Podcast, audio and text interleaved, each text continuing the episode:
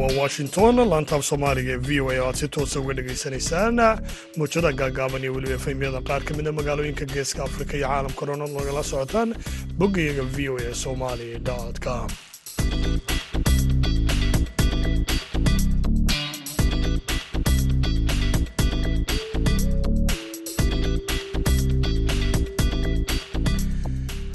wanaagsan dhammaantiiba dhegaystayaal meel kastoo aad joogtaanba waa salaasa taariikhduna ay tahay sagaalka bisha oogast ee sannadka laba kun iyo labiyo labaatan. Haatana saacadda afrikada bari waxay tilmaamaysaa kowdii iyo barhkii duhurnimo idaacadda duhurnimo ee barnaamijka dhallinyarada maantana waxaa halkan idinkala socodsiin doona aniga oo cabdixakiin maxamuud shirwa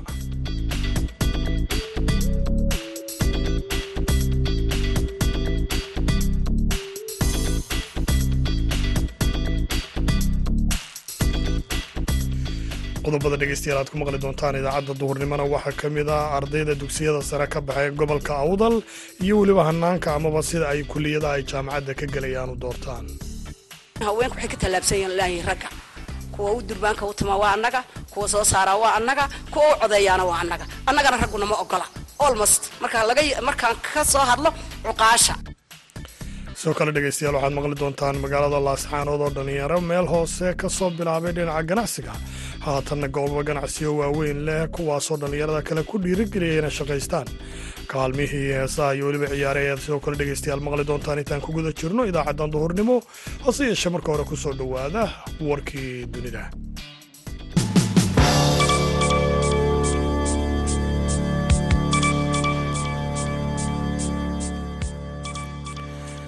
codaynta doorashada ayaa maanta si habsamiya uga socotaa doorashada aan caadiga ahayn ee dalkaasi kenya taasoo hogaamiye muddo dheer mucaarid soha oo uu taageeraya madaxweynaha xilka ka degaya.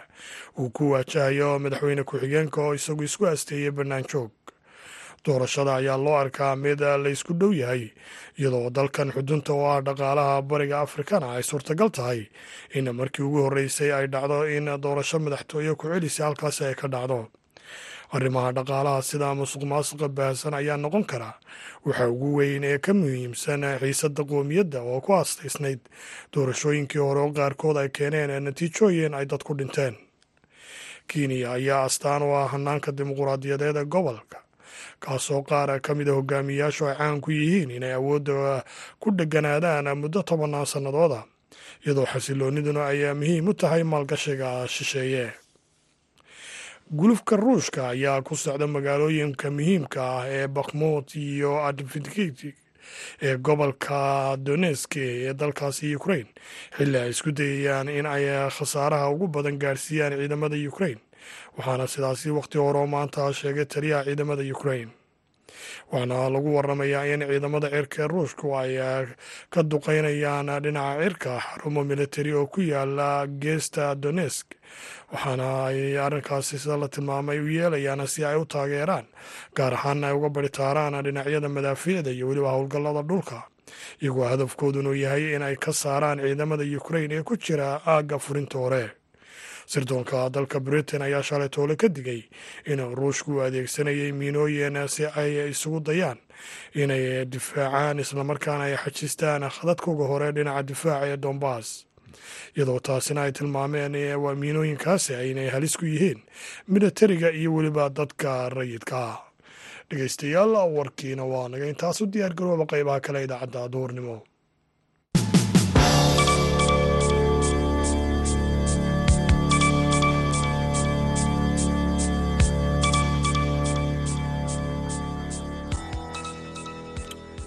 duhurnimo duurwaana wanaagsan dhammaantiinba ayaan idin leeyahay. Meel kastoo aad joogtaanba waxaan ku bilownay magaalada laasacaanood ayaa dhalinyaro meel hoose ka soo bilaabay ganacsiga islamarkaana haatan goobo waaweyn kula ganacsi oo ganacsi aan idhaahda dhegeystayaale magaalada laasacaanood waxaa ku sugan dhalinyaro shaqooyinka meelo hoose ka soo bilaabay gaar ahaan goobaha laga qaxweeyey iyo weliba wixii la mid a iyadoo haddana ay asaaseen goobo lagu iibiyo agabyada kala duwan ee dharka iyo weliba wixii la mid ah. Wariyaha v o e laasacaanood cabdikariin olol ayaa la kulmay mid ka mida dhallinyaradaasi islamarkaana arrintan ka waraystay magacayga axmed cismaan walaale waxaan ku noolahay magaalada laascaanood ganacsiga waxaan ka soo bilaabay meel hoose inaad meel hoose ka soo bilowdidna waxay kuu saamaxaysaa inaad ganacsiga meel fiican ka gaadhid waayo qofka meel dhexe ama ka soo galay ama dee aan xagga hoose ka soo bilaabin waayo wixii waxaa laga yaabaa inuusan hore ugu dhiiran amaysan muhiimad weyn u lahaynba.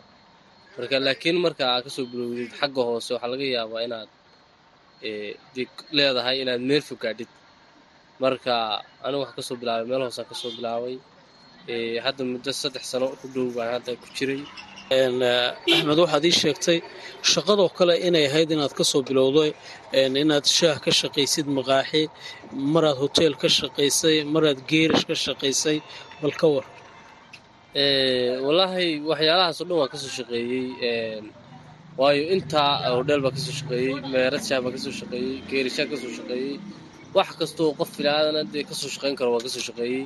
Haddana dee intaa aan shaqaynayey wax ka ururso unbaa istaa laakiin weligaa ka shaqeey kuma qanacsanayn marka dee alxamdulilah haddaan ka shaqaynayay intaas markii dambe waxaan go'aansaday inaan ganacsi galo anugu aan iskii wax la soo baxo.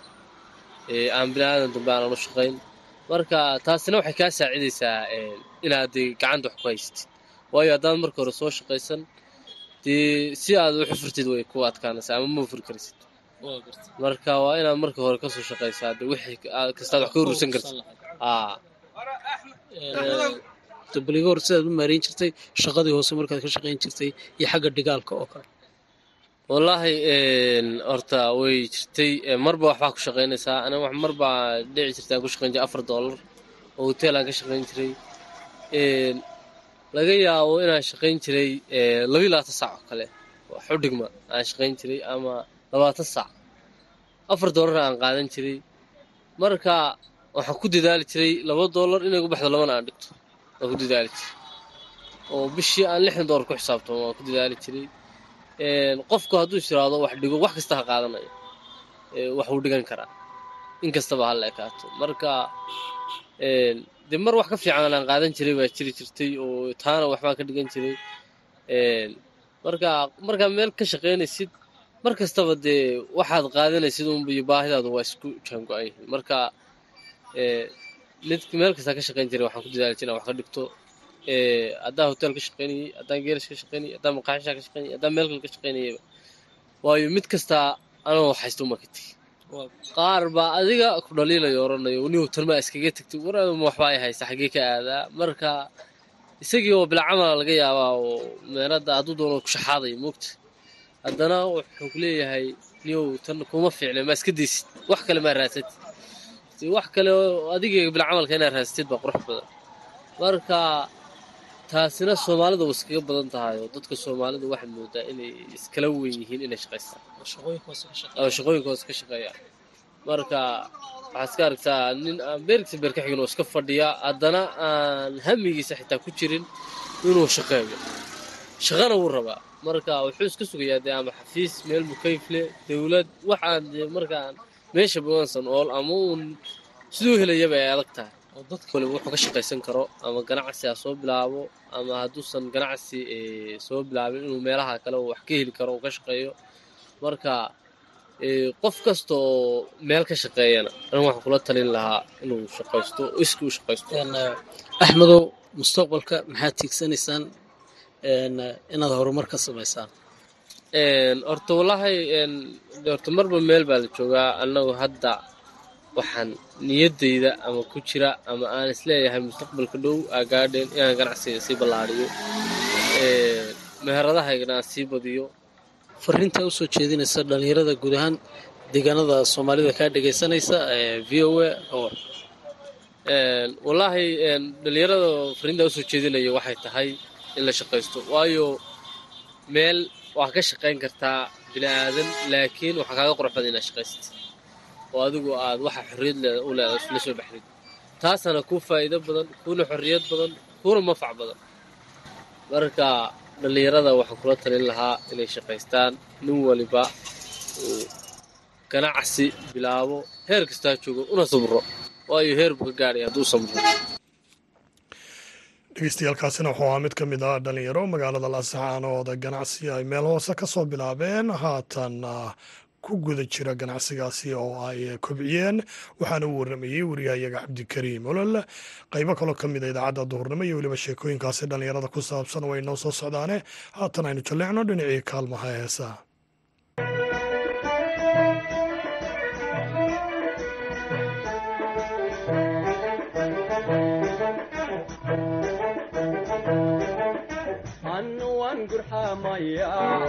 sida arganta halqaba gedu gaalawaayan marbaa geesuroora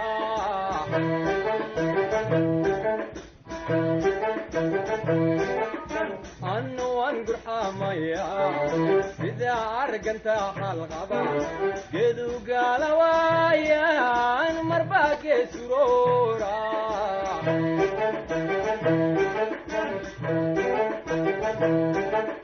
nafsi hayga gaadano calabgeedi weegaye gabadhaan jeclaayey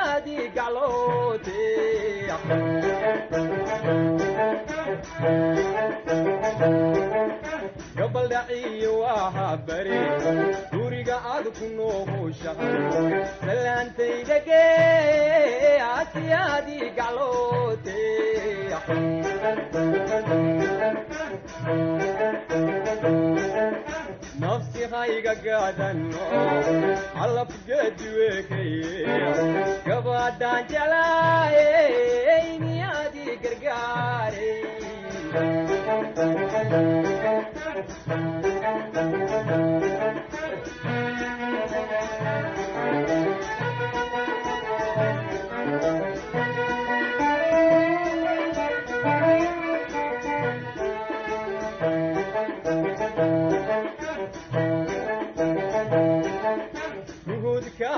gandhiilano garbahaagu dhahaafay sidaa tentagee kenyada marbaa geesutuu hurtahan gelindhaxaa habeenkii riyawgu guryaamaaye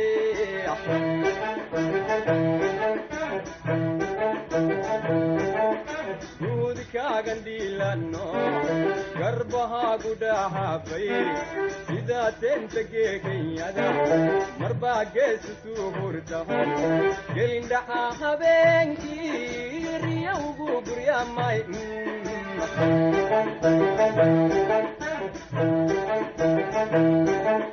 nafsi hayga gaadano calabgeedi weekaye gabadhaan jelaayey miyaadii gargaaray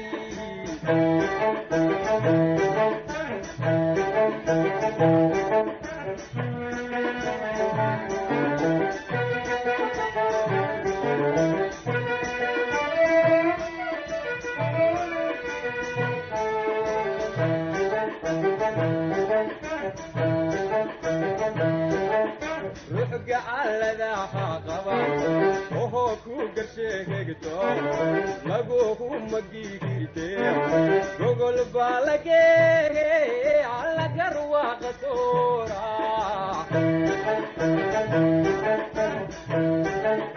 ruux gacaladaha qaba ohoo ku garsheegegto laguhu magigirte gogol baa lageege allagarwaaqatoora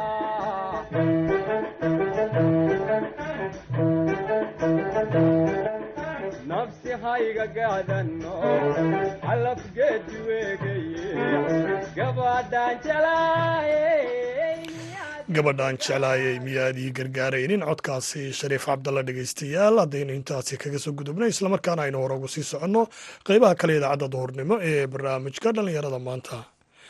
Ardayda gobolka awdal ee dhammaysata dugsiyada sare ayaa jaamacado ka gala meelo ka mid a gobolkaasi awdal iyagoo inta badan xushaan kuliyadaha iyagu door bidaan wariyaha v o eda ee gobolkaasi awdal haashim sheekh cumar good ayaa haddaba arrintaasi ka waraystay. Brofeser cabdisamed cige habane oo ka mid ah macalimiinta jaamacadda camuud waxaana uu ka waraysanayaa hanaanka ay ardaydaasi u xushaan kuliyadaha ay gelayaan haashim wasaad sheegtay magacaygu waa cabdisamed cige habane waxaan ka tirsanahay jaamacadda camuud. Xulashadu waxay ka timaadaa dhinaca ardayda. Marka ardaygu marka uu sanadka koowaad soo dhammaysto ee jaamacadda camuud ayuu wuxuu doortaa dhowr iyo soddon takhasus ayuu kala doortaa. Oo shahaadada koowaad ee heerka jaamacadda. Marka inta badan waxay ku xidhan tahay qofku wuxuu ku fiican yahay buu doortaa ama sida dhaqanka soomaalidu tahay wuxuu doortaa waxa waalidkiisu la jeclaado. Waayo waxaad arkaysaa qof aada ugu fiican waxbarashadii. Wuxuu ka odhanayaa walaashaybaa caafimaadka gashay ama walaalkayo ana waan ka baydhayaa. Marka waxaad arkaysaa dhowr qof oo wada dhashay oo kala horeeyo midba mid wax kala duwan kala baranaya.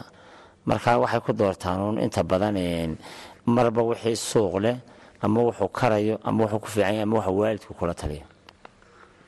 Ardaygu marka uu ka soo qalinjabiyo dugsiyada sare ee dalka ee uu idiinla yimaado shahaadada dugsiga sare ma wuxuu gelayaa sanad ka horreeya intaanu gelin kuliyadaha mise toosunbuu kuliyadaha u bilaabaya sida caadiga shuruudda waxa weyaan inuu dhameeyey dugsi sare oo somalilan ama wax u dhigma. Marka haddii la xaqiijiyey inuu dugsi sare ka baxay fiican yahay waa la qaataa. Marka la qaato waxaa la galaa hal sano oo laydhaha general university courses. Way kala duwan yihiin jaamacadaha iyo collegeyo colleges waxaa laydhaha qaar baa toos loo bilaaba un takhasusaadka laakiin jaamacadda cilmi guud oo aada u fara badan buu qaataa. Sanad walow laga yareyn doono sanadka insha allah marka markuu sanadkaa dhammayso ayay jaamacaddu iyadu siday u xulanayso sida ardaydu waxay rabaan way kala duwan tahay oo kuliyadaha qaarba gareed lagu galaa waa inuu qofku awooddiisu gaadhsiiso inuu qiimo fiican keenay. Waxaa laga yaabaa in caafimaadka takhasusaadka qalliinka iyo daaweynta oo kale loo baahan yahay arday aad u tirayar hal galaasoo soddon qofa markaa soddonka qofee kun iyo lixda boqolee qofee sanadkaa wax dhiganayay ugu sarreeya unbaa la qaataa waxaynu ka warqabnaa jaamacadda camuud kuliyadaha ay ka kooban tahay. Waxay mar u qabtaan tartan dhinaca ciyaaraha. Tartankaa ciyaaraha ee ay qabtaan jaamacadda camuud waxyaabaha ay ugu tala galaan maxay tahay ee ay sanad walba u qabtaan? Waa runoo sannadkii hal mar baa loo qabtaa tartan dhanka kubadda cagta jaamacadda dhexdeeda kuliyadaha kala duwanaya waaxyaheeda waxaa maamula xafiidka arrimaha ardayda oo isagaa aada uga shaqeeya. Sababaha loo qabtaana waxa weeyaan isdhexgalka dhalinyarta waxbaranaysa sida caadiga jaamacadda camuud dadka dhigtaa waxay ka yimaadaan adduunka oo dhan gaar ahaan afrikada bari ama meelaha soomaalidu degto. Marka waxay u tahay horta isdhexgal iyo in mihnadii kubadda dibadda loo soo saaro dadka ku fiicnaa ay meesha ka muuqdaan oo abaalmarin lagu siiyo waxaa kaloo meesha ku jirta inay dhaqan suuban tusaan jiilkan soo socda ee dhanka isboortiga. Oo waxaa jira shuruuco fara badan oo aada loo ilaaliyo markay ciyaarayaan. Marka waxyaalaha muhiimsan waxaa ka mida inay dhaqan suubanoo u jeexaan jiilkii yaraa soo socday. Isdhexgal qofkii oo caafimaadkiisii jir ahaaneed kor loo qaadayo kii maskaxeedba inahaasa ugu muhiimsan waxaad soo qaaday dhinaca isdhexgalka dhallinyarada maadaama ay dhallinyarada wax ka barata jaamacadda camuud ay ka yimaadeen meelo kala duwan oo gobolkan geeska afrika iyo guud ahaan geyiga soomaalidaba ay ka yimaadeen. Isdhexgalka dhallinyarada ay isdhexgelayaan ee jaamacaddu isku keentay maxay faa'iidaa ee ugu jira dhallinyarada waxaa ugu jira jaamacaddu kambasyo kala duwan bay leedahay iyo kuliyado kala duwan. Waxaa laga yaabaa inaanay weligood bas arag ardayda qaarkood. Kuwa meelaha kala duwan ku barta ama takhasusaadka kala duwan sameeya. Marka waxay keentaa isbarasho in dhaqankii wanaagsanaa la kala barto in hadhow ambasadors la noqdo dadkii ay hadhow markay dhul kala duwan isku arkaan ama qofkii ku yeesho meel ka duwan. Matalan wiilka kubadda ku fiican ee ka yimid kismaayo ka dhashay hargeysa ama burcamo boorama markuu muddo bil kubaddii socotay halkaa laysku barto dad isyaqaano walaalaa oo meesha isku arkaanba isku xidhiiriya ayay noqonayaan. Kaasi wuxuu ahaa cabdisamed cigaha bane oo ka mida brofeseerada wax ka dhiga jaamacadda camuud haashim sheekh cumar good v o a boorama waagaag dhegeystayaal anaguna duurucana wanaagsan ayaanu idin leenahay. Mar kale meel kastoo aad joogtaanba haatanna wararkii ugu dambeeyey ee ciyaaraha oo inoo hayo maxamuud mascade ku soo dhowaada.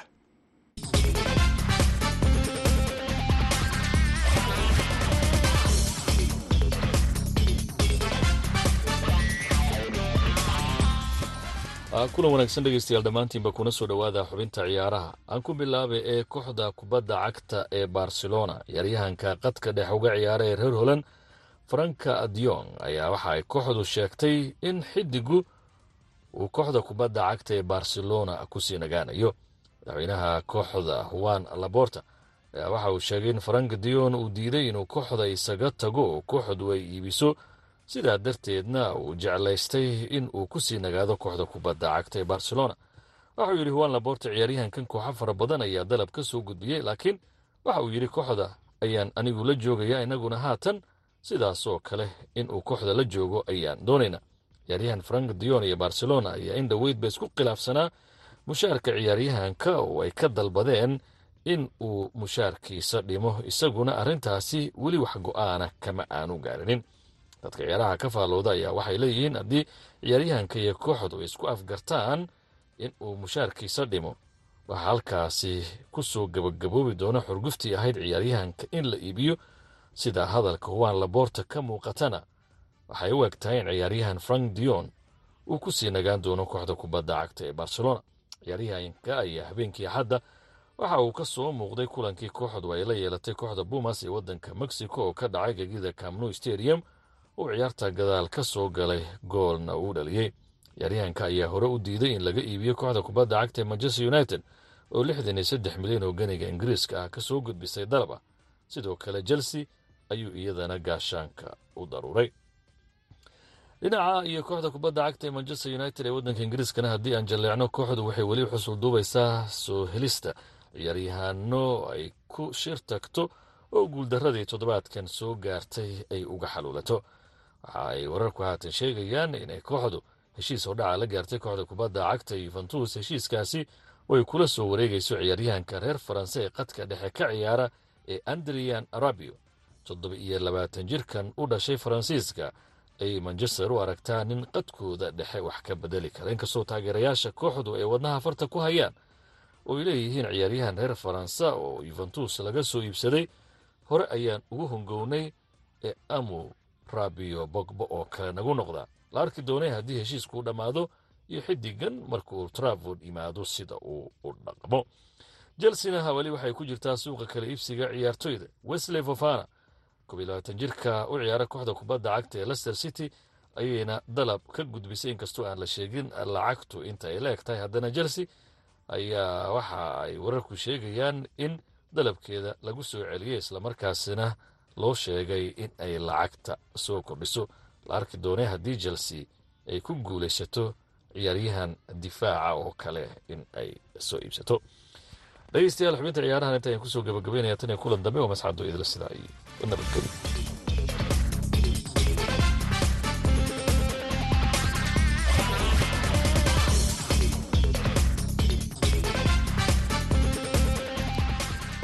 maxamuud mascade aad iyo aad ayuu dhegeystayaal umahadsan yahay oo xubintaasi ciyaaraha inala socodsiinayey halka wali aad nagala socotaana waa idaacadda duurnimo ee barnaamijka dhalinyarada maanta.